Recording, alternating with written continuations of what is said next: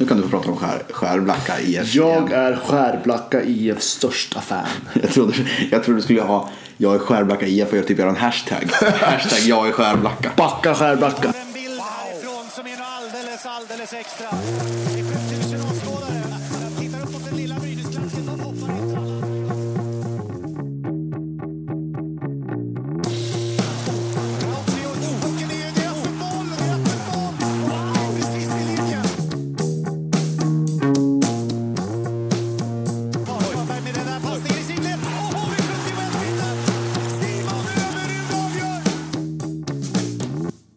Avsnitt 12 av situationsrummet. Eh, SHL-podcasten som görs på hockeysverige.se och svenskafans.com är officiellt igång. Det är det där introt med Lasse Granqvist och Wikegård och allt. Det förkunnar ju att nu är det dags för podd. Visst är det en underbar känsla? Det är en underbar känsla. Och jag gissar att det där introt framförallt är underbart för HV-supportrar. För det är ändå guldmålet som, som eh, återges där.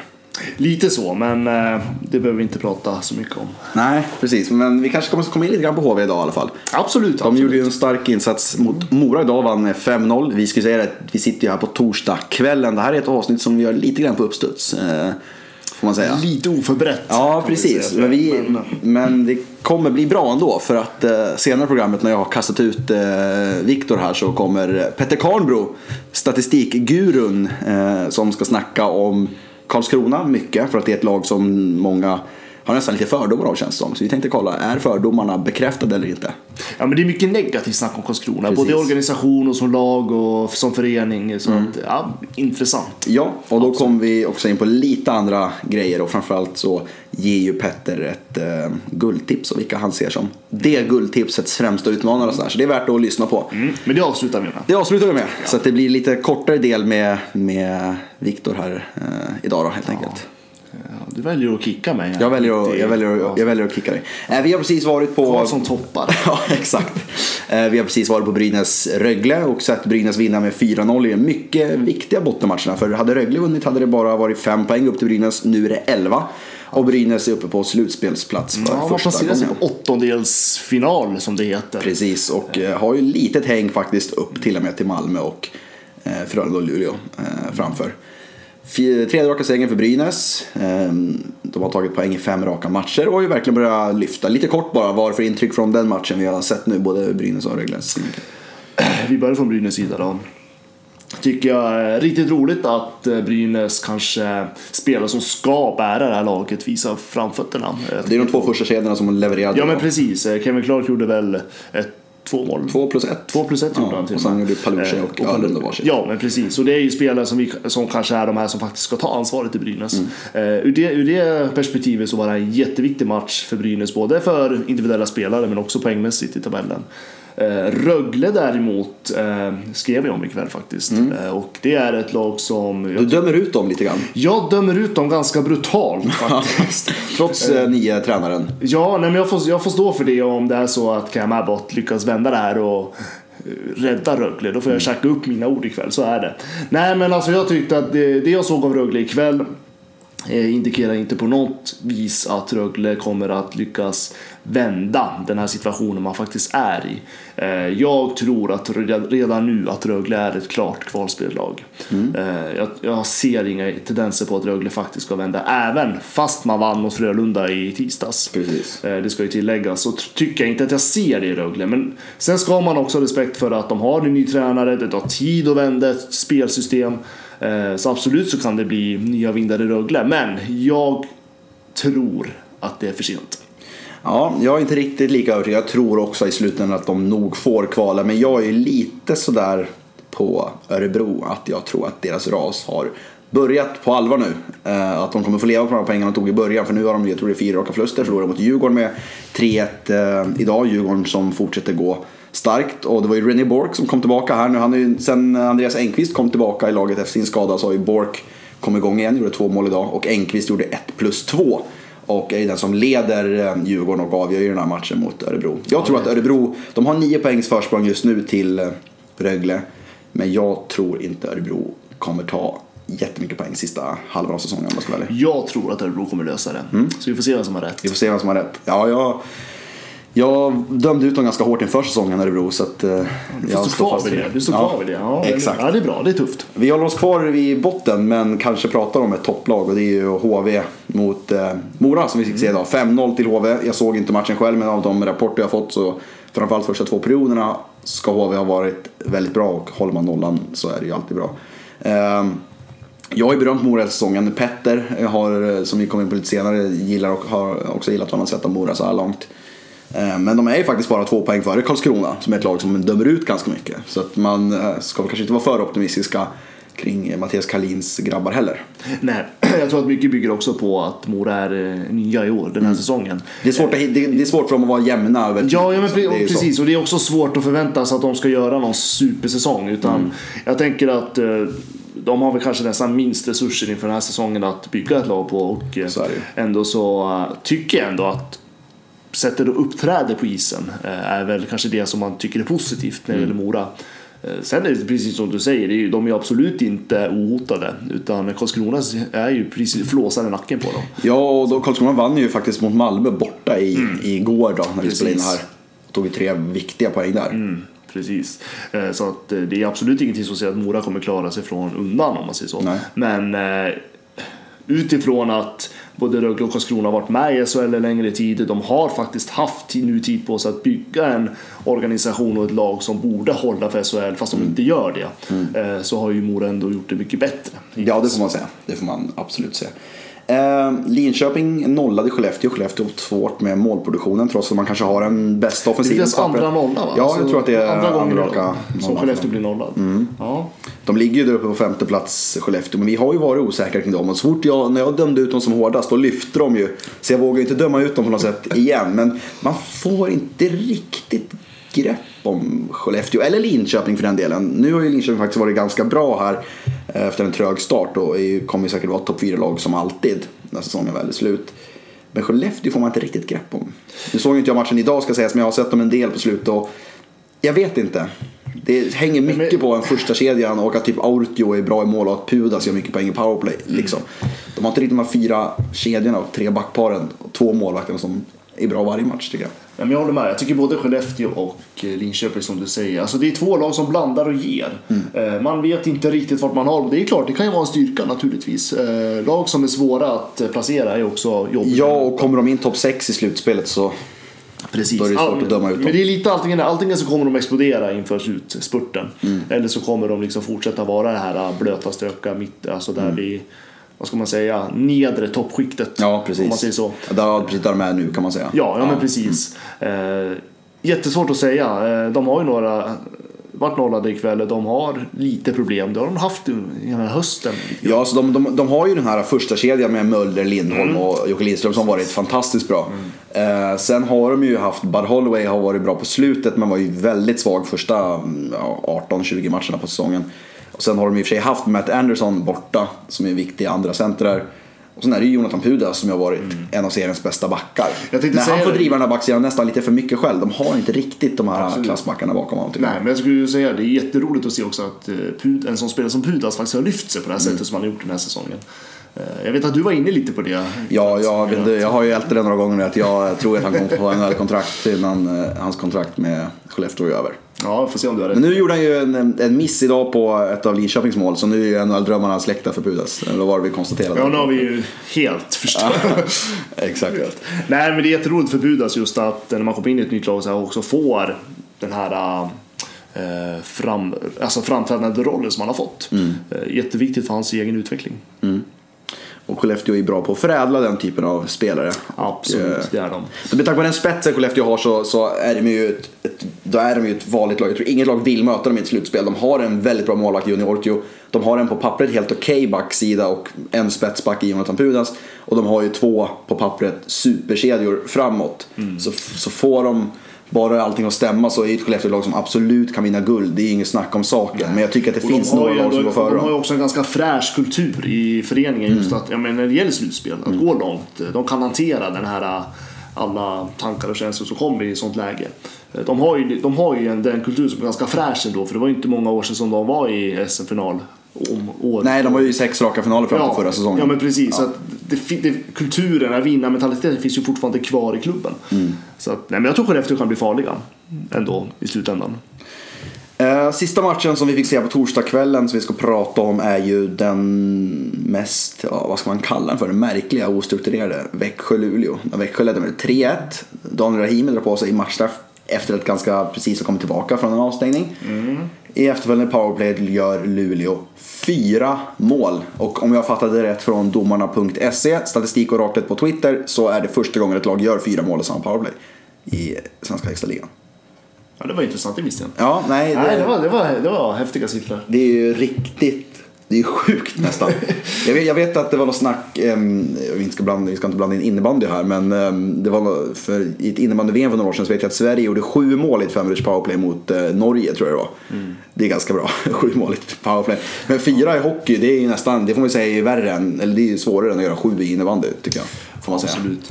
Och ett häftigt moment. Eh, Jag, jag följde lite på Twitter på sociala medier under kvällens gång och det var ju många Luleå-fans som totalt hade sågat matchen och Ja, precis, de var helt- var helt de var hopplöst helt förstörda. Det var ingen idé att följa. Det var Nej. liksom, nu är det bara bara att lägga ner skiten. Liksom. Ja. Och så blir den här vändningen. Det är, väl, och det är väl det som är lite charmen med hockey. Alltså just de här snabba vändningarna. Att, eh, ja, det var mäktigt av Luleå, absolut. De gjorde alltså målen efter 42-07, alltså innan matchen. eh, 42-58, 43-26 och 44-45.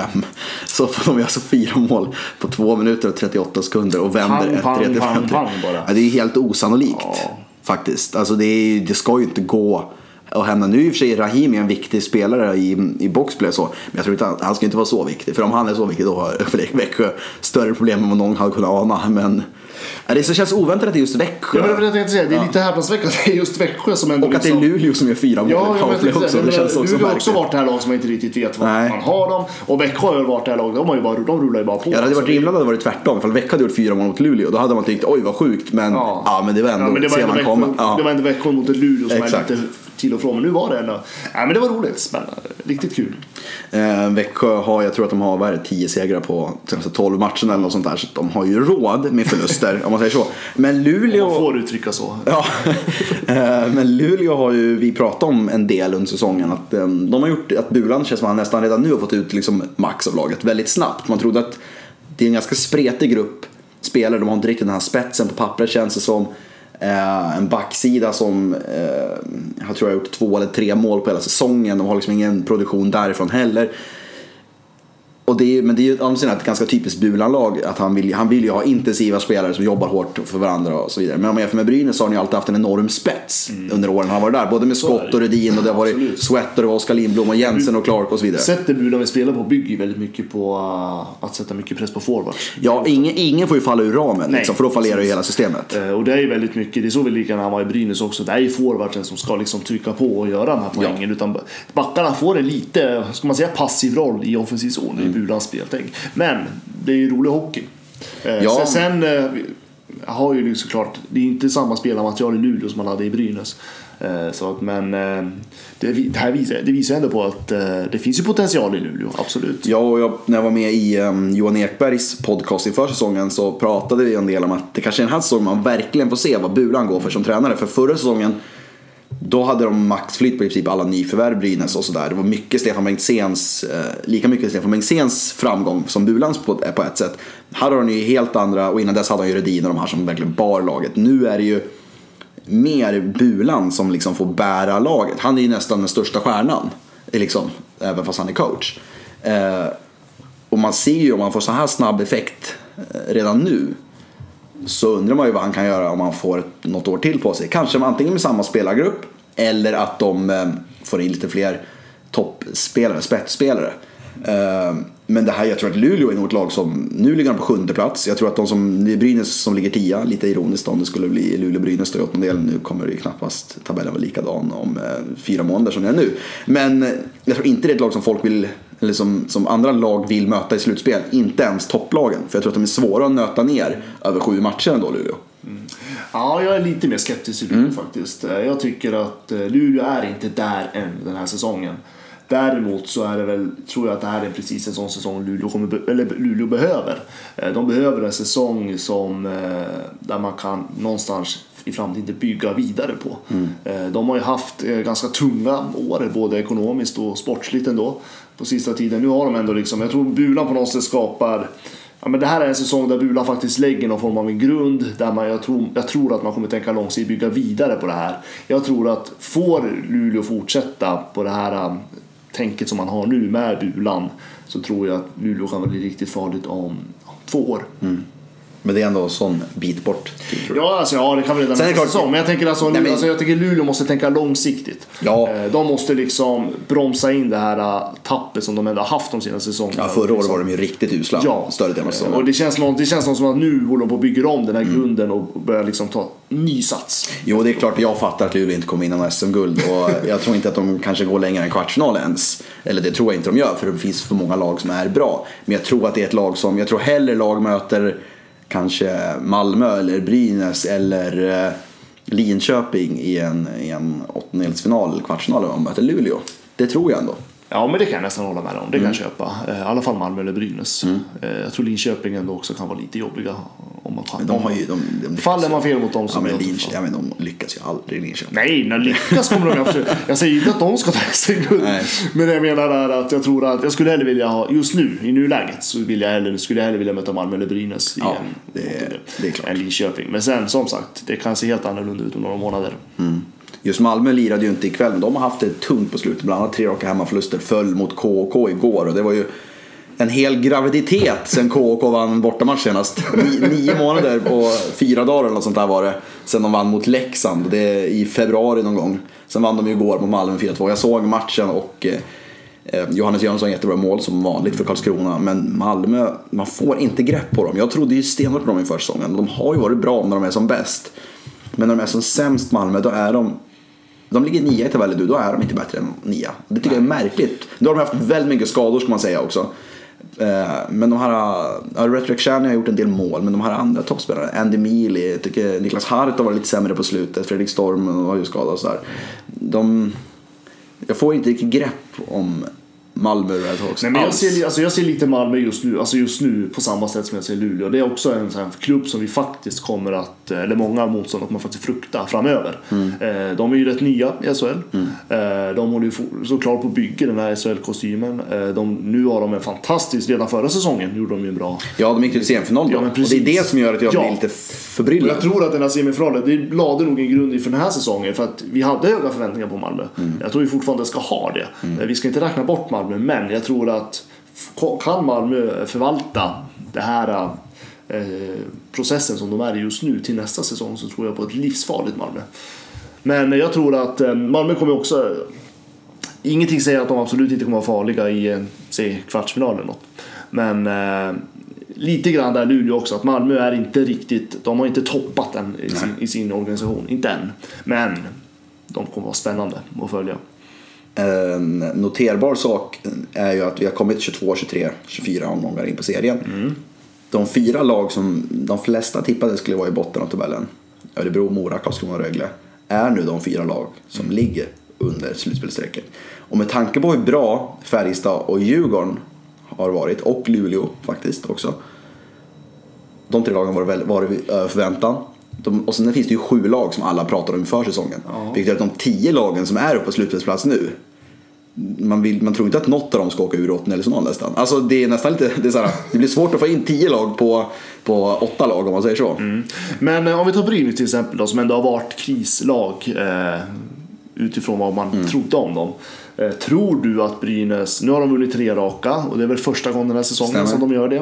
Eh, tror du på något sätt att Brynäs kommer kunna bygga det här segertåget man har nu? För de har ju ändå mött de här Ja, bottenlagen precis. på senare tid. Tror du att Brynäs ändå kommer kunna klara av att utmana Nej. det här? eh, I, Du tror inte det? Alltså i en åttondelsfinal då är det en tre matcher serie. Men om man säger, tror du att Brynäs kommer hamna i åttondelsfinal? Ja, det, det, det tror jag nog. Det är, jag tror att de kommer, de kommer nog bli 9-10 någonstans. Inte högre än så. Mm. Nej. Jag tror ändå att de klarar det. Eh, Men i en tre matcher serie, en åttondelsfinal, så kan ju vad som helst hända. Det är väldigt små marginaler. Däremot så är det ett lag, det är väl egentligen de tror jag inte kommer kunna gå längre än en kvartsfinal. Jag tror inte Luleå kommer kunna gå längre än en kvartsfinal till slut ändå. Även fast jag tror att de kommer göra ett svårt motstånd. Utan jag tror att det är de andra åtta lagen som har potential att gå till semifinal och gå längre än till kvartsfinal. Det tror jag. Jag tror att ehm, ja, men typ Brynäs och Luleå har då ändå sin, sin max i en kvartsfinal. Ja, ja, nej, längre kommer de inte gå. Nej. Eh, min känsla, om vi tänker tabellläget just nu, så tror jag inte att något av de här lagen som är i åttondel riktigt kommer vinna en kvartsfinal. Inte ens Frölunda. Nej, inte som det är nu, ser ut nu. Men eh, Ja, jag tror ju... Ja, framåt. ja, jag, jag tror ju betydligt mer på Frölunda än både Färjestad och... Nej, men jag tycker alltså, nu, nu är jag hård mot Frölunda och visst, jag får väl ta det då. Men alltså jag tycker det har gått, vad är det, 22-23 omgångar. Ja, Frölunda lirar 23. Ja, eh, jag ser fortfarande inte det här Frölunda jag vill se utifrån det här spelet. Jag ser fortfarande inte det. Eh, därför är jag kritisk mot Frölunda. Och jag vet Men det ska man vara. Kritisk Ja. ska man vara mot Frölunda. och, jag, och, och är det så, får inte de till det här nu, om de inte lyfter på det här sättet som, jag, som vi, man bara väntar på att de ska göra, eh, några omgångar till, då vet jag inte vad vi ska sätta, placera Frölunda. Nej. Nej, det blir ju som sagt det är svårt att få in Ja. tio lag i åtta. Eller så här, få in tio lag till kvartsfinaler. Det är svårt att få in åtta lag till eh, topp 6 placeringar också. Alltså så här, det är, Ja, men- ett så- par av de där lagen kommer behöva missa. Och tänker man så här, kommer Växjö missa topp 6? Nej. Nej. Färjestad de har för stort försprång. Djurgården ser lite för bra ut för att kunna missa topp 6. Linköping, nej de blir alltid topp 4. Och sen är det Skellefteå och HV som är 5 och 6 liksom. Det är hårt och det är svårt. Frölunda kommer få kämpa. Och. HV sätter jag topp 6. Alltså, Ja, jag tycker jo, det det, får man de har ju alldeles, de har varit, utifrån deras skadehistorik och ändå ligger där de är. Mm. Eh, så har jag, har jag svårt att säga att HV inte skulle hamna topp 6. Mm. Eh, men det är som du säger, det är liksom, och det är inte mycket poäng som skiljer åt heller. Nej, det är väldigt Eh, ändå. tajt. Det är väldigt tajt och det är så ska det vara. Men alltså det är jättesvårt. Ja, man, tänker, men- man tänker Örebro, de är just nu 10 poäng bakom HV och har två matcher mindre spelade. Örebro ligger 11, HV ligger 6. Så Ja, att det är ju... precis. Nej. Nej, men just Frölunda. Jag tycker liksom någonstans, någonstans måste man ju nästan börja prata mer om Frölunda. Mm. Eh, när ska Frölunda vakna på riktigt? En häftig match på lördagen här, Frölunda-Malmö. Ja. För det är två lag som vi förväntar oss mer av och som blandar och ger väldigt mycket från match till match. Nu har i och Frölunda sett lite bättre ut på slutet men det har inte lyft tillräckligt som man kanske hade trott. Ehm, sen eh, övriga matcher som, som är värda att se. Ja, jag, tycker, jag tror Rögle-Skellefteå kan bli eh, spännande att se eh, på lördagskvällen. Ja, utifrån det att det är att det är Rögle ändå ser lite bättre ut under nya tränare. Och skulle de vinna en sån match så kan det ändå höja. Ehm, och sen eh, är det ju Brynäs-Växjö utifrån Brynäs har väldigt bra form. Men Växjö är ju det bästa laget i Sverige. Där får man lite större värdemätare. För som du sa, Brynäs har mött eh, de har mött Örebro, de har mött ett formsvagt Malmö, de har mött Karlskrona, de har mött Rögle. Ja, det är de matcherna de har vunnit sista fem här. Eh, Snarare en poäng mot Linköping också. Men det är de fyra lagen de har vunnit mot. Kan de även slå ett Växjö? För då får man ju börja ta dem på allvar. Ja. Men jag har svårt att se att Växjö ska förlora två raka matcher och att de ska förlora borta mot Brynäs. Det tror jag inte. Växjö känns inte som ett lag som förlorar två raka matcher. Nej, men eh, vi har ju ofta fel du och jag. Ja, vi har... Exakt. Det är, nu, det är nu raset kommer. Växjö, om så här, två månader ligger Växjö inte ens topp 6 längre. Nej, men alltså, det blir lite, alltså, Brynäs har ju, de har haft tre raka visst, men det är ju mot bottenlagen de faktiskt har visst. Nu, nu nollar de ju Rögle med 4-0. Mm. Eh, och de, framträd, de spelare som ska vara framträdande Mm. var också framträdande. Eh, men Växjö blir ju eh, verkligen ett ultimat eh, värdemätare för Brynäs, var Brynäs står just nu. Mm. För de har ju någonstans återhämtat sig efter total kollaps i princip. Eh, så att eh, på det synvinkeln så kommer den matchen vara väldigt intressant för Brynäs. Eh, men jag har svårt att se att de ska besegra Växjö i det här läget. Innan vi avslutar vår del här. Daniel Rahimis matchstraff tror att han är med i den matchen på lördag. Han fick ju, har ju som sagt precis haft en avstängning. Vi såg tacklingen. Vi fick inte riktigt se på någon bra vinkel. På, på Nej, Einar jag, jag, jag såg den bara en gång. eh, Väldigt dålig vinkel. Eh, Men eh, vad jag såg så... Den träffar ju huvudet. Det går inte Ja, att ja säga men, nej, men precis. Det var ju liksom en... Ja, huvudet. Men Frågan är hur fult det var från Rahimi. Jag tycker det är en svår situation. Jättesvår situation. Och sen precis som du säger, reprisen du och jag såg var ju väldigt dålig vinkel också. Mm. Men... Niklas Wikegård tyckte inte att eh, en, en så säker att det skulle vara matchstraff. Nej, jag är lite osäker jag men jag vet inte riktigt om jag... vågar ha en åsikt om det. Nej. Om jag får säga det. Nej men det är ju en, en svår situation och det ska bli spännande att se vad, vad disciplinen gör. För jag tror att den här sätter ändå tonen lite grann. För jag tror att om han får en ganska tuff avstängning för att det är en huvudtackling. Så kommer folk gnälla att ja, han gjorde inte så mycket fel och folk kommer han undan straff. Då är det ett väldigt statement från SHL att ja men det är lika mycket Einar Emanuelssons fel. Han måste kolla upp där så inte han får tacklingen i huvudet. Så att jag tror ändå att disciplinnämnden kommer ge honom några matchers avstängning just för att det är en huvudtackling. För att de, våg, det, det, Ja, jag- de jag- vågar inte riktigt avstå för då kommer det bli ett jäkla liv tror jag. Ja, det var precis det jag tänkte säga. Det kommer bli en diskussion om man klarar sig undan. Eh, och sen är det ju, alltså just de där situationerna, jag menar, båda, båda parterna har ju någonstans ett ansvar i det. Eh, sen måste man väl överväga vems hade det största ansvaret i det här. Eh, och eh, jag vet inte, vinkeln vi såg kanske inte kan berätta det lite riktigt. Ja. Eh, Så att, nej men jag, jag har ingen åsikt men jag skulle inte bli förvånad då, om man inte spelar på lördag. Vi får se, det blir spännande. Det var det vi hade, vår del här. Nu lämnar vi över ordet till undertecknad och till Petter Karnbro. Du är less på mig nu alltså. Nu är jag oerhört less. Ja, jag förstår. Nej, jag Eh, Vi kommer tillbaka som vanligt med ett avsnitt nästa vecka och då, Jajamän. då, då tror jag att du är med i hela podden till och med. Ja, jag hoppas det. Ja, då får du spela 90, Det hade varit då får du spela jätte- 90 minuter. Gud vad skönt. Det hade varit jätteroligt. ja, absolut. Det ser fram emot. Men eh, nu kör vi igång eh, Petter Karnbro. All in Karlskrona. Då säger vi välkommen till situationsrummet, Petter Karnbro. Tack ska du ha. Du eh, är ju känd som nästan liten vad ska man säga, pionjär när det gäller så här avancerad statistik eller underliggande siffror, vad man nu vill kalla det för, inom svensk hockey. Och eh, är ju den första svenska mästaren som är på, på plats i den här podden i alla fall, om man säger så. Meritmässigt är du överlägsen oss andra, kan jag säga. Ja, ja, ibland går man in i bra situationer. Ja, precis. Det är väl, eh, om man kollar in Elite Prospect-sida här så är det ju ett SM-guld, två Champions Hockey League-titlar. Det är ju en ganska bra utdelning får man säga. Mm, det, var, det var bra flow, Ja. eh, helt enkelt. Det, Exakt. Ja, det är ju så här, Petter, om det är någon som eh, mot förmodan inte vet om det är så har ju Petter jobbat för Frölunda under de, eh, ungefär, ja, det är väl tre senaste säsongerna eh, fram till den här säsongen då. Och eh, har haft koll på just det här med analy analyser av eh, underliggande siffror och eh, sådana saker. Eh, du kanske kan förklara det enklare och bättre själv vad det är du har gjort egentligen under tiden i Frölunda. Ehm, ja. Mycket, alltså sifferbaserad analys egentligen. Ehm, analysera olika aspekter av spelet. ehm, analysera spelare. ehm, försöka mm, ge den bilden av ehm, ja, liksom hur man mäter spelare. Ehm, I princip. Det, det är väl det. Ehm, sen hjälpte till på ska jag säga, många olika sätt. Både rekrytering men matchanalys och, och sådana grejer i det perspektivet. Det är väl en, en, kortfattad, en kortfattad förklaring. Det känns ju som att det fortfarande är ett område där Sverige ligger eh, jag kan i och för sig inte tala för hur det ligger till jämfört med andra europeiska länder och ligor men det känns ju som att det finns väldigt mycket att göra inom svensk hockey just när det gäller det området i alla fall. Mm, ja, det gör det. Ehm, det är väl en... eh, Alltså sporten ishockey generellt, även borta i Nordamerika där de, en del klubbar pumpar in stora summor. Liksom det är, finns det också mycket att göra. Det är fortfarande en, en konservativ sport. Ehm, Det, och, eh, sen har vi ju inte riktigt samma underlag med kan man säga, den tillgängliga datan här som det finns där borta. Men eh, det rör väl på sig så sakteliga i alla fall. Eh, sen att ska man säga, ta steget och göra någonting med det.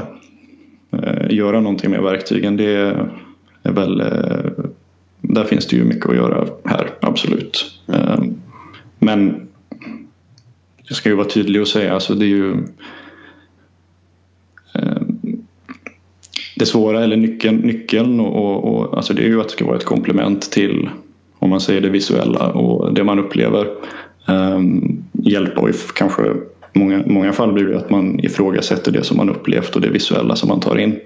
Eh, och med ett objektivt underlag liksom värdera det mot liksom vad, vad, vad siffrorna säger. För det är ju det blir ofta en antingen eller diskussion och det är liksom inte så det funkar.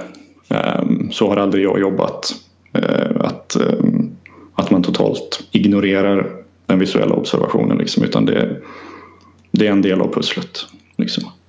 Om, innan vi går in på huvudämnet, om du bara får kort få, få gissa. Hur lång tid tror du det tar innan liksom alla SHL-klubbar åtminstone har någon som faktiskt jobbar med just titta på siffror och analysera utifrån det perspektivet. Lite djupare planet helt enkelt. Tror du att det är långt bort?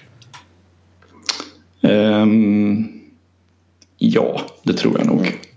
Det, uh, jag menar, med tv-pengarna så har alla klubbarna möjligheter nästa år om de vill. Det, det är ju bara en fråga om, det har de ju nu med i och för sig, det är en fråga om hur man allokerar och, och använder pengarna. Men att, ja, om, om Ger det fem år så tror jag nog att två tredjedelar av ligan har det i alla fall. Mm. Det, det tror jag.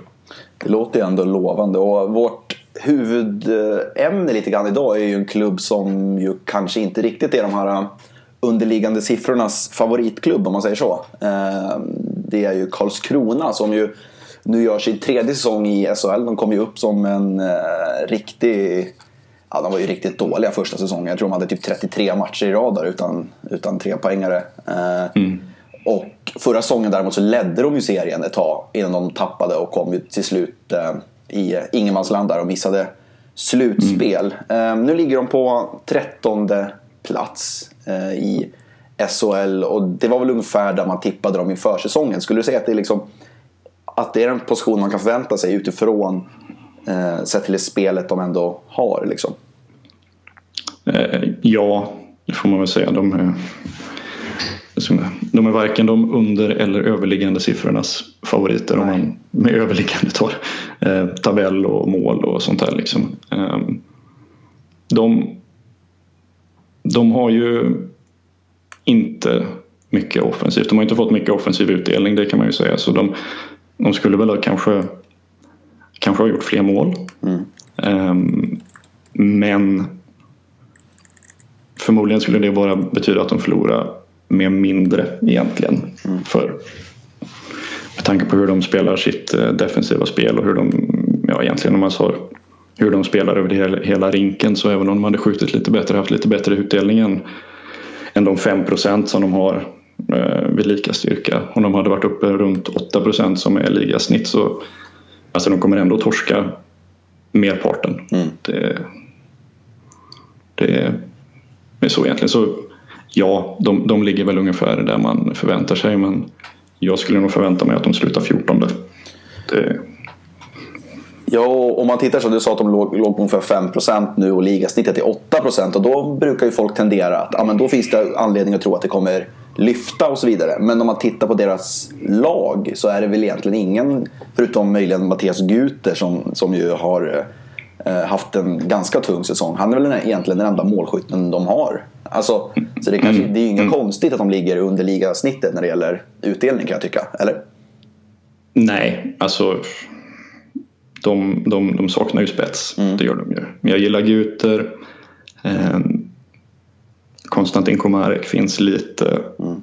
Och eh, Marcus Paulsson har ju en historik men eh, det är klart, alltså förmodligen ska de ju vara ett lag som ligger under ligasnittet i effektivitet. Eh, det, det, får man nog räkna med att de har ju inte den, eh, den spetsen så.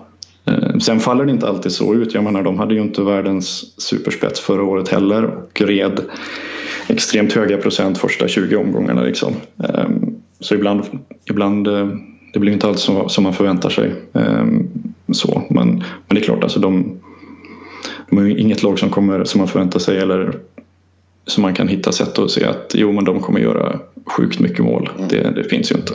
Det, de, de valde ju förra säsongen att eh, göra sig av med Pelle Hånberg som headcoach och ta in uh, Ove Molin. Tycker du att man har sett något... Folk påstår att de spelar annorlunda i år. Att de spelar mer Eh, att de spelar ändå lite mer aggressivt och sådär. Men du känner inte riktigt av, av det på det sättet eh, om jag förstod det rätt. Utan du tycker mer att det snarare ser sämre ut helt enkelt. Ja, alltså. De är ju, fort, de är ju, de är ju sjukt defensiva. Mm. Det är de, de spelar ju verkligen för att inte förlora. Jag tycker det ser ut så i alla fall. Ehm, och förmodligen känner de kanske att de har bättre chans om de lyckas hålla, hålla matcherna jämna så länge som möjligt och sen vara lite opportunistiska och, och, och trycka in en balja på det sättet och kanske få två eller tre poäng. Ehm, men jag, jag vet inte om jag tycker att det ser ut så som de, alltså det kan ju inte se ut så som de vill i alla fall. Det, det har jag ju svårt att se. Ehm, för jag menar de, de släpper till mycket avslut, det gör de. Ehm, de släpper till 14 avslut i sektorn per match och eh, ligger de sist på. De släpper till ehm, nej ursäkta mig, de har 14 avslut i sektorn och de släpper till 19. Så de är minus 5 på avslut i sektorn per match där. Ehm, och sen är de Alltså de släpper ju till, de har ju en differens i skott, skott på mål i sektorn också och de ligger ju i botten framåt och eh, släpper till bland de flesta bakåt liksom. Så de, de driver ju inte spelet i rätt riktning för alls. Det, så mm, tar man avsluten liksom för emot, ställer upp det som en procent så har de 41 procent av avsluten. Tar du skott på mål i sektorn så har de 43 procent. Så det är inte så att de blockar sig till 50 procent eller någonting utan de, de, de släpper till mycket där. Ingen, kanske ingen grotesk volym så men i och med att de skapar så lite framåt så har de ju inga större möjligheter att, att göra fler mål än vad de släpper in vilket ju är, är det det handlar om. Sen har vi alltså, de skjuter ju sämre i sektorn mycket sämre än, än ligasnittet. De skjuter 10 procent och det är 15. Så det är inte bara det att de liksom tar skott utifrån så utan emellanåt kommer de in i sektorn men, men de, de har inte utdelning på det så visst de kanske skulle kunna göra fler mål i, i sektorn och på så sätt mm, kanske knipa några, några matcher men i det långa loppet så kommer de ändå förmodligen bara torska med färre mål. Mm. Men de, om man säger så här då. Pelle Hånberg fick ju ganska mycket kritik både inom klubben och det man har hört och även utifrån att han inte var speciellt taktiskt kunnig utan han var mer liksom den här pådrivaren och liksom bra på att få upp gruppen och så. Men har, kan, har du sett några liksom tecken på Ove Molins storhet? För han har ju snarare fått beröm att han ska vara så skicklig taktiskt och att det ändå var han som styrde laget och så vidare. Eh, Går det att se liksom på något sätt? Och han ju till och med lyfts fram som en potentiell förbundskapten i någon krönika och sådär. Men du, det går liksom inte att se någon positiv effekt på det sättet helt enkelt. Nej, alltså om man tittar man på vad ska man ta någon slags förväntad liksom utfall på säsongen så blir det ungefär samma sak. Eh, förmodligen sämre. Jag köper att de kanske har lite sämre trupp i år. Det, det får man ju säga. De tappar ju Alexander Bergström till exempel och, och, och sådär. Men om Ove, Molin ska vara förbundskaptenens ämne eller ehm, kunna få en, ha en sån liksom effekt så det finns ingenting som siffermässigt talar för det. Nej. det om, förmodligen så blir det nog i princip samma sak som förra året. Det, om de inte har en absurd hot streak liksom skyttemässigt resten av, resten av vägen och på något sätt kan eh, ja, kommer väl in på det senare men de, eh, målvaktsspelet måste ju vara superbra för dem för att det ska gå vägen. Ja, men vi kan ju gå in där på en gång. För du har ju på Twitter bland annat uttryckt liksom att Johannes Jönsson är en målvakt som topplagen borde gå, gå efter. Liksom. Eh, att, han, Absolut. att han gör det väldigt, väldigt bra utan att få de där rubrikerna överhuvudtaget Mm. nere i Karlskrona. Ja, um, alltså på sen början på förra säsongen så har han sett eh, 1060 skott vid lika styrka och stoppat 94 procent av dem i en liga som är där 923 är liga average. Så han är nästan 2 procent över genomsnittet där. Det är bättre än Alsenfelt. Det är bättre än um, Linus Söderström. Mm. Liksom, han är solklar etta där. Mm. Uh, och om man nu tänker att Karlskrona är en klubb som inte har så mycket pengar. Om jag var en, en klubb som behövde en första målvakt nästa året och uh, ville göra ett bra bett och sen skulle jag ju slänga pengar efterhand, absolut. Mm. 28 år, eh, bra ålder för målvakt. De pikar där någonstans 26 till 30. Um, så han skulle jag gå efter. Um, fråga vad jag erbjuder Karlskrona så skulle jag bjuda över det. Ja. Jag, tror, jag, tror, jag tror inte att de kan matcha. Nej, de borde inte... Eh, helt enkelt. Um, de kanske inte är den mest attraktiva klubben spelar ju ut efter att um, de inte direkt är ett topplag heller. Uh, Nej. Både ekonomiskt och sportsligt så ja. finns det ju inte någon större anledning för honom att vara kvar när hans kontrakt löper ut som det känns nu i alla fall. Nej, då måste han ha utvecklat en väldig klubbkänsla och vara väldigt lojal. Mm. Ehm, så, men eh, jag hade gått efter han, absolut. Han hade varit ja, i, av spelare i Sverige i alla fall så hade han som är utgående kontrakt så hade nog han varit längst upp på min lista bland målvakter. Det, mm. det vågar det hade jag gjort. Är det han då som eh, ska, om vi, för så här, det känns som att både du och jag har tankar att Karlskrona kommer få kvala. Ser du liksom någonting som talar för att de inte ska behöva göra det? Förutom Johannes Jönsson då möjligen? Um, det, beror ju, det beror ju mycket på lagen runt om. Mm. Um, Rögle verkar ju trenda uppåt i alla fall. Mm. Um, Sen har du Brynäs som, eh, som man kan läsa i min artikel på eh, Hockey News. Har, ja, de har ju problem. De är ju inte de är långt ifrån där folk trodde att de skulle vara. Mm. Men de är fortfarande ganska många kliv bättre än, äh, än Karlskrona. Ähm, och Mora som jag tror är äh, sett snuskigt bra ut sista 10-12 matcherna här. Mm. Um, som jag tror väldigt mycket på för att vara en nykomling. Um, så jag har lite svårt att se vilka de skulle kunna hoppa över för att liksom uh, ta sig till ingenmansland. Uh, utan uh, det, det, blir kval där helt enkelt. Det, nu vågar jag lova så mycket som jag vågar lova någonting som jag inte har någon kontroll över. Ja, precis. Men om de skulle hamna där, de, de var ju där för två år sedan, då mötte de ju AIK var det va? Mm. I, i, när de var nykomlingar Karlskrona och klarade ju det. Men det mm. var inte så att de briljerade rent spelmässigt då kanske. Eh, har de liksom kvaliteter och, och klara av mm, allsvenska lagen som ändå spelar, som är vana att vara spelförande kommer ju kunna klara av att vara det. Eh, mm. Även mot Karlskrona. Skulle Karlskrona klara av ett sånt kval i, i nuläget liksom? Um, för att vara ett SHL-lag som går in i ett kval mot ett allsvenskt lag skulle nog deras odds vara ganska mycket sämre än, mm. än vad det brukar vara.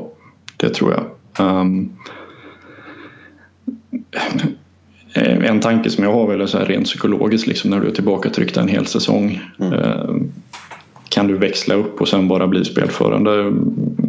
Det vet jag inte om det är så himla lätt. Nej, det känns ju inte som att de har de, kanske kvaliteten i truppen heller att vara det nästan. Nej, och de har ju en del, en del spelare mm. men, men djupet i line-up det, det brukar ju vara liksom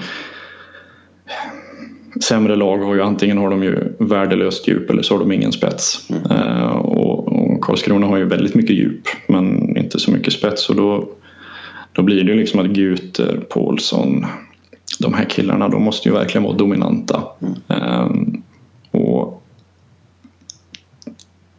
det är ju, ja, det är väl ingen som skulle säga att, att det är befängt att säga att uh, det finns en ganska god chans att de trillar ur. Mm. Det, om man ser hur Timrå och eh, Oskarshamn och de här lagen eh, går där nere. Liksom. Det, finns det, det, det, blir nog tufft helt enkelt. Eh, jag skulle ju vilja att de, om man ser det så här, de har problem offensivt. De skapar för lite, de gör för lite mål. Mm. Eh, och de har en väldigt bra målvakt. Eh, det som jag skulle göra det är att jag skulle försöka öppna upp spelet och helt enkelt köpa att vi kanske torskar 5-0, 5-1 emellanåt. Men vi kanske vinner några matcher också när vi lyckas hänga första puckarna. För gör de inte första målet i matcherna så är de ju rökta. Ja, precis. Ehm, och psykologiskt kanske det är tungt när man åker på kanske 3-5 nollor i rad. Ehm, men jag tror att de har mycket bättre chans att ta poäng, alltså ta fler poäng härifrån till slutet av säsongen. Om de egentligen inom citationstecken chansar lite mer och sen försöker förlita, då får de förlita sig på att de får utmärkt målvaktsspel från, eh, från Jönsson. Ehm, för jag tycker inte att det finns ju någon slags i, målvakter får antingen får de liksom att det är de som räddar försvaret eller så är det försvaret som, som, som hjälper dem till höga procent. Jag tror väl att det finns en liten bieffekt från liksom hur de spelar att, att genomsnittliga skottet är, eh, har lägre sannolikhet eh, än, än för andra lag. Ehm, men de släpper till så himla mycket där inne eh, att jag tycker ändå att han står ut så himla mycket mot vad man eh, skulle förvänta sig. Så, så jag skulle försöka öppna upp och sen får man ta, ta att du blir liksom överkörd emellanåt. Ehm, Men kanske plocka fler poäng i långa loppet och kanske etablera en bättre känsla i gruppen rent känslomässigt. Liksom att ja, men vi kan ju faktiskt göra mål. Men eh, jag har ju också varit inne under säsongstarten här på att jag tycker Mora ser väldigt bra ut för att vara en nykomling. Eh, Brynäs känns ändå som att de är någorlunda på väg uppåt, får tillbaka lite skadade spelare. Och sen är det ju Örebro som man inte riktigt får grepp på. Men skulle du ändå säga, och sen har vi då eh, Rögle såklart. Skulle du säga att alla de lagen har större chans att klara av ett kval än Karlskrona har? Lite kort bara. Eh, ja, skulle jag säga. X-faktorn är väl Rögles försvar slash målvaktsspel. Ja, det är, som jag jag skrev en tweet om det igår, att det är kul att kolla på deras matcher för det finns ju ingen struktur överhuvudtaget när Rögle spelar utan det är ju det är ganska- precis vad som helst. Ganska händelserikt. Ja, det kan man säga. Och sen så har de liksom- Frölunda till och med här nu igår. Ja, liksom bra PP också så de kan ju kravla sig tillbaka i matcher och sånt där också. Så det är lite Det är nog lite mer rock'n'roll än vad tränaren eh, vill ha. Ja, det, det kan vi utgå ifrån. Eh, Men då rundar vi av snacket om Karlskrona. Nu känns det som att de har fått uppmärksamhet så det räcker fram till kvalet ungefär. För att som sagt, det känns som att båda är ganska eniga om att det är där de kommer hamna till slut. Men vi fick in lite lyssnarfrågor. Eh, Vi kan börja med en som jag skulle ha ställt i början av eh, programmet här som jag glömde bort. Det är ju hur du ser på att återvända till klubbhockeyvärlden igen. Är det någonting du är sugen på att återvända till? Eh, absolut. Det, ehm, jag hade en bra tid. Så Ja. jag menar, jag är- det är, jobba i hockey är eh, bland det roligaste som finns. Liksom. Så, och eh, dedikera sig till det. Liksom, eh, försöka göra ett, hjälpa ett lag att bli bättre och, och så. Det är absolut. Det, eh, jobba för en klubb, bara en klubb och, och, och liksom göra det fullt ut. Det hade varit hur kul som helst. Då vet alla sportchefer och diverse där ute att eh, Ja, alla, alla sportchefer eh, som eh, sträcklyssnar precis. situationsrummet. Ja, exakt. Ja, men det är ju, jag tror att det är ungefär, jag tror att alla utom Chris Abbott som gör det skulle jag gissa på. Eh, han kanske, jag vet inte hur bra han är på svenska. Han kanske är skitbra i och för sig, det har jag ingen koll på. Nej, det var en sån här, eh, att göra, skulle haft eh, videoinspelning också, sen eh, dubbat det. Sån här eh, precis. video, vid, videopodd som, som man kör med nu. Exakt, exakt. Eh, Dubbat, fick- textat. Ja, precis. eh, sen eh, fick vi också en fråga här på um, Frölunda som vi faktiskt i laget har jobbat med. Jag vet inte hur bra det går att svara på den här men det var från Jonas Idetoft där med Joel Lundqvist var borta och då vann de helt plötsligt fyra raka. Vad finns det för eh, korrelation däremellan? Finns det någon tror du? Ehm, han skrev väl tillfällighet? frågetecken Ja. och då säger jag tillfällighet? utropstecken. Ja. Det, så hej Jonas. Ja. Nu var ni tillbaka igår Joel och då blev det ju förlust. Så att, eh, jag tror att det är Joel Lundqvist-effekten. När han är med då förlorar Frölunda. ja, nej. Eh, och sen har vi då från Jonas Larsson som hade två frågor på Brynäs. Och som sagt, du skrev ju om dem i den här artikeln på Hockey News som jag rekommenderar att eh, alla, inte bara Brynäs-supportrar, läser. Och då var det en fråga först. En lite halvledande fråga, men det är ett ganska hett diskussionsämne här uppe i Gävle där jag sitter. Hur dålig är egentligen Jörgen Sundqvist? Och då kan man väl vända på det och säga hur bra Jörgen Sundqvist, eller hur man nu vill vända och vrida på det. Eh, en nummer 7-8 back. Mm. Där omkring. Han är ändå, han håller ändå liksom i, i SHL om man säger så. För- Ja, jo, ja, jo. Ehm, om I alla fall om man tar liksom när jag satte samman artikeln och man tittar även historiskt. Han är ju liksom en, en extra spelare. Ehm, rent outputmässigt i, i den modellen som ehm, favoriserar, eller inte favoriserar, men, men i och med att det är mycket produktion som går in, mål, assist, skott, sådana grejer så eh, defensiva spelare undervärderas lite grann. Det är inte så att man kan bortse ifrån det och så säger jag påstå att Jörgen Sundqvist är en topp 4-back i SHL. Eh, det är han inte. Men, eh, men eh, kanske lite bättre än vad modellen ger. Men ja, alltså, han har ju haft det tungt med skador. Eh, sådana grejer också. Han är ju inte purung. Nej, han är väl längre. 35 tror jag. Ja. Eh. Defensiva backar i den åldern brukar inte vara så himla bra. Därför att de är ju alltså de är ju i mångt och mycket endimensionella. De gör en grej bra. Och eh, när de tappar ett steg, får problem knän, höfter, allt sånt där, axlar. Liksom då, då har de inte så mycket när de rasar. När de tappar ett snäpp så har de liksom inte så mycket, man inte så mycket annat som vägde upp. Så det, han är inte så himla bra. Det, men inte, inte hålla på och klanka ner på han helt. Nej, men det, det är ett ganska hett diskussionsämne här uppe. För att han, han är ju ändå liksom... det Ja, han, är, han är ju väldigt populär, eller har varit väldigt populär bland fansen och har ju varit i, i Brynäs i, ja, det är väl 10-11 år nu och allt det där. Men nu är det ju många, nu har du kvar lite yngre backar som pockar på uppmärksamhet. Adam Bokvist framförallt då. Eh, som ju många vill ha in i laget. Men Jörgen Sundqvist har varit på sex backar hela säsongen. Medan Adam Bokvist då sitter bänkad eller på läktaren allt som oftast. Eh, liksom. Så att, eh, det är, han är en, en, en spelare som berör just nu. Uppe i Gävle. Ja, spelar han på sex är ju, eh, har jag väl lite svårt. Ja, han har spelat eh, på sex backar varje match den här säsongen. Oj, Faktiskt. ja, då, Till då. Medan hade jag- exempelvis Mark Zanetti var ju nionde back innan han skeppades iväg till HV. Eh, Och han Ja. hade väl inte heller någon lysande säsong men det var många som ändå tyckte att det, det var snarare kanske Sundqvist som skulle skeppas iväg i så fall. Mm, ja, ja, hade jag hade jag varit Brynäs-supporter och, och Sundqvist går på sex hade jag nog också Mm. uttryckt missnöje. Eh, helt enkelt, det kan jag ju säga. Ja, och sen eh, fick jag också från samma frågeställare Jonas Larsson. Har Brynäs så stora målvaktsproblem som många fans påstår? Här är ju den hetaste debatten. Eh, Jörgen Sundqvist, eh, all respekt till honom, så är det den här som folk debatterar på stan och på um, förfester och efterfester och allt möjligt i Gävle. Ja, eh, alltså Rautio är tillbaka. Japp. Eh, hur, hur, är, hur är det med Sandström? Du är ju Brynäs insider. Ja, det vet man ju inte riktigt. Eh, Han verkar ju inte vara nära spel eh, just nu i alla fall. Nej, Men det är ganska höljt i dunkel exakt vad det är för någonting som har hänt. ja. Eh, och så man har Rautio och Och sen är det ju Linus Fernström då. Linus Fernström. Um, Rautio har ändå en historik av att vara en fullt kapabel SHL-målvakt.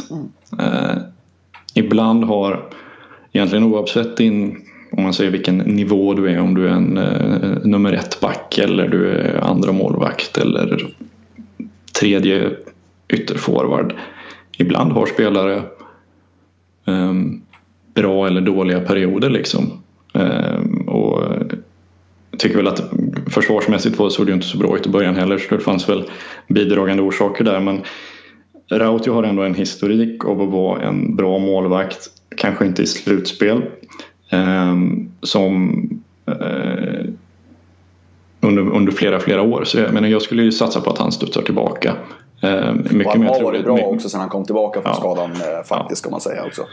Jag skulle säga att det är mycket mer troligt att de får eh, säg 9-15 målvaktsspel av han än att de får det utav Linus Fernström eh, resten av vägen. Det, så där så klart, det har varit ett problem men, men jag tror att eh, Rautio kan hjälpa dem att rädda upp det lite. Det, det tror jag. Ja, och de vann ju nästan en varsin slutspelserie i våras också. Rautio var ju väldigt bra mot Linköping och Felix var ju väldigt bra mot eh, Frölunda. Eh, I alla fall när det gällde där. Så att de lyckades ändå steppa upp precis den nivå de behövde ligga på för att Brynäs skulle gå till SM-final i alla fall. Ja, det... Ibland spelar spelare bra. Ja, Liksom. Så mm, det är klart, kapacitet finns där. Eh, Sen svåra frågan är ju alltid, eh, kommer de plocka fram det eller inte? Eh, Men han har en så pass lång track record så jag skulle tro det. så du, du rekommenderar Brynäs att satsa på David Rautio här som tydlig etta då, helt enkelt? Om alternativet är Linus Fernström, ja. Eh, Förmodligen skulle jag nog satsa på Rautio före Sandström också mestadels. Lite beroende på hur ja, skadesituationen, vad det är för skada och sånt där och vad det är som varit problem. Liksom. Har det varit ett ljumske eller knä eller höft eller någonting då kanske man inte ska stoppa innan 16 av 20 matcher. Liksom. Nej. Men innan vi avrundar här så eh, nu tänkte jag ta dig på, på sängen här, eller vad säger jag? Eh, nu är det ju, det är ju, Växjö går ju väldigt, väldigt bra. Eh, har ju vunnit, om vad är det, 9 av 10 eller 10 av 11 eh, är det kanske till och med nu. Är det de du ser som eh, huvudfavorit till att även vara bäst i vår sen och få lyfta pokalen? Eh, ja. Det- Vilka ser du som främsta utmanare? Ja, ehm, bra fråga. Ehm, jag skrev lite om Djurgården för några veckor sedan att de ju har ett kan vara ett lag som spelar semifinal. Ehm, att de är där uppe. Linköping också. Ehm, kanske behöver en back till. Ehm, men tror att Frölunda kommer få ordning på det och vara ett av de lagen som blandar sig i också. Det tror jag. Det, det, det kan vara lite... mm, Vi har ju det här PDO, skottprocent plus räddningsprocent som svänger så himla mycket. Liksom. Och, eh, kom ihåg, Växjö har ju haft urdåliga starter två säsonger innan den. Ja. Tre till och med. Någonting sånt. De har rätt upp det på våren. Linköping och Arvsaft hade väl eh, de hade ju katastrofstart förra året tror jag. Ja, det stämmer. Var ändå med där uppe. Precis. Ehm, Så, Kom ju till och med topp fyra till slut, eh, Linköping. så man ska nog inte ska inte stirra sig blind på eh, sen finns det ju alltså de här faktorerna liksom försvarsspel, målvaktsspel eh, inte stirra sig blind på utfallet av dem eh, den här perioden på säsongen utan lite is i magen och så tror jag att eh, du kommer ha Växjö som är ganska långt före de andra lagen, det ska vi säga. Det är inte, inte så att det är jämnt skägg utan jag tycker att de är rätt solklara favoriter. Um, så det, de skulle jag satsa på, även om man nog inte får så mycket pengar tillbaka på det. Nej, det kanske är fel läge att göra det nu. Man kanske ska vänta till de kommer in i en förlustsvit på 3-4 matcher. Då kanske det är värt att slänga en Ja, drink eller så. precis. precis. Ja men perfekt eh, Petter. Innan, vi, eh, innan jag släpper det här så ska du såklart få eh, marknadsföra dig själv. Vart, vart kan man hitta dig om man vill läsa mer? Om man tycker att du verkar vara en intressant människa. Ehm, ja, jag skriver emellanåt på hockeynews.se. Ja. Ehm, någon gång i veckan eller varannan vecka. Något sånt där brukar jag klämma ur mig någonting. Ehm, men eh, annars är det väl Twitter. Att numerart overtag. Och följer man mig där så får man också länkarna till, till det jag skriver. Men eh, Twitter är nog bäst. Så. Jag, jag rekommenderar eh, folk att följa dig om inte folk redan gör det. Man får, man får mycket intressanta, vad ska man säga, eh, extra material känns det nästan som att det är. Eh, sånt man inte får ut när man går in på shl.se eh, eller ens kollar på, på C sändningen alltid. Så att, eh, det rekommenderar jag faktiskt att, att folk gör. Så är det med det. Men eh, du ska ha stort tack för att du eh, ställde upp och jag hoppas att du vill kanske vara med någon gång igen här under säsongen. Ja, om du ber så snällt så. Ja, vad bra. Ja, det var intressant tankar från Petter Karnbro. Och som sagt, ni kan följa honom på Twitter. Jag gör det under numerärt overtag. Han lyfter fram bland annat Djurgården och eh, Frölunda som tänkbara guldutmanare till Växjö. Vilka ser du som den största guldutmanaren till Växjö just i denna stund? Först vill jag tacka för att jag fick sitta kvar, Ja. trots allt. Ja, exakt. Eh, ställ om frågan, det hörde inte jag riktigt. Vilka ser ut som de främsta utmanarna till Växjö? Petter lyfter faktiskt fram Djurgården som en utmanare. Ja, nej men alltså jag säger också Djurgården eh, också. Men jag vill ändå lyfta ett varningens finger för Färjestad ändå. Det är så? Jag vet att du är lite skeptisk i Färjestad. Jag tror inte de kommer hålla 52 omgångar och Du tror, slutspel. du tror inte? Nej, men jag vill hålla varnings, varningens finger för Färjestad. Eh, det är väl som man sa i Gävle för några år sedan. Färjestad är alltid Färjestad. Precis. Eh, man vet aldrig när de bara spurtar i slutspel. Så att, eh, nej, men jag tror också Djurgården mer än Färjestad. Men varningens finger mot Färjestad. Och jag säger Frölunda som den största guldutmanaren till Växjö. Du går helt emot mig idag. Jag går helt emot det. Ehm, Fantastiskt. Ja, Ja, men det är bra. Det är bra. Det, det är så det ska vara. Det var, får vara avslutningsorden för den här podden. Eh, som sagt, vi kommer tillbaka nästa vecka. Då blir det ett mer ordinarie avsnitt skulle jag gissa på i alla fall. Ja, då är vi mer förberedda. Då är vi mer förberedda och eh, då tar vi inte någon annan röst utan då är det du och jag som gäller. Absolut. Men eh, tills vidare så följ oss på sociala medier. Sök på situationsrummet så dyker vi upp där. Och prenumerera på oss om ni inte redan gör det. Och läs framförallt på hockeysverige.se och svenskafans.com för det är två bra hemsidor när man vill veta mer om Fantastiska hemsida. Exakt, så det, det är dagens visdomsord. Absolut. Vi står för det. Det står vi för.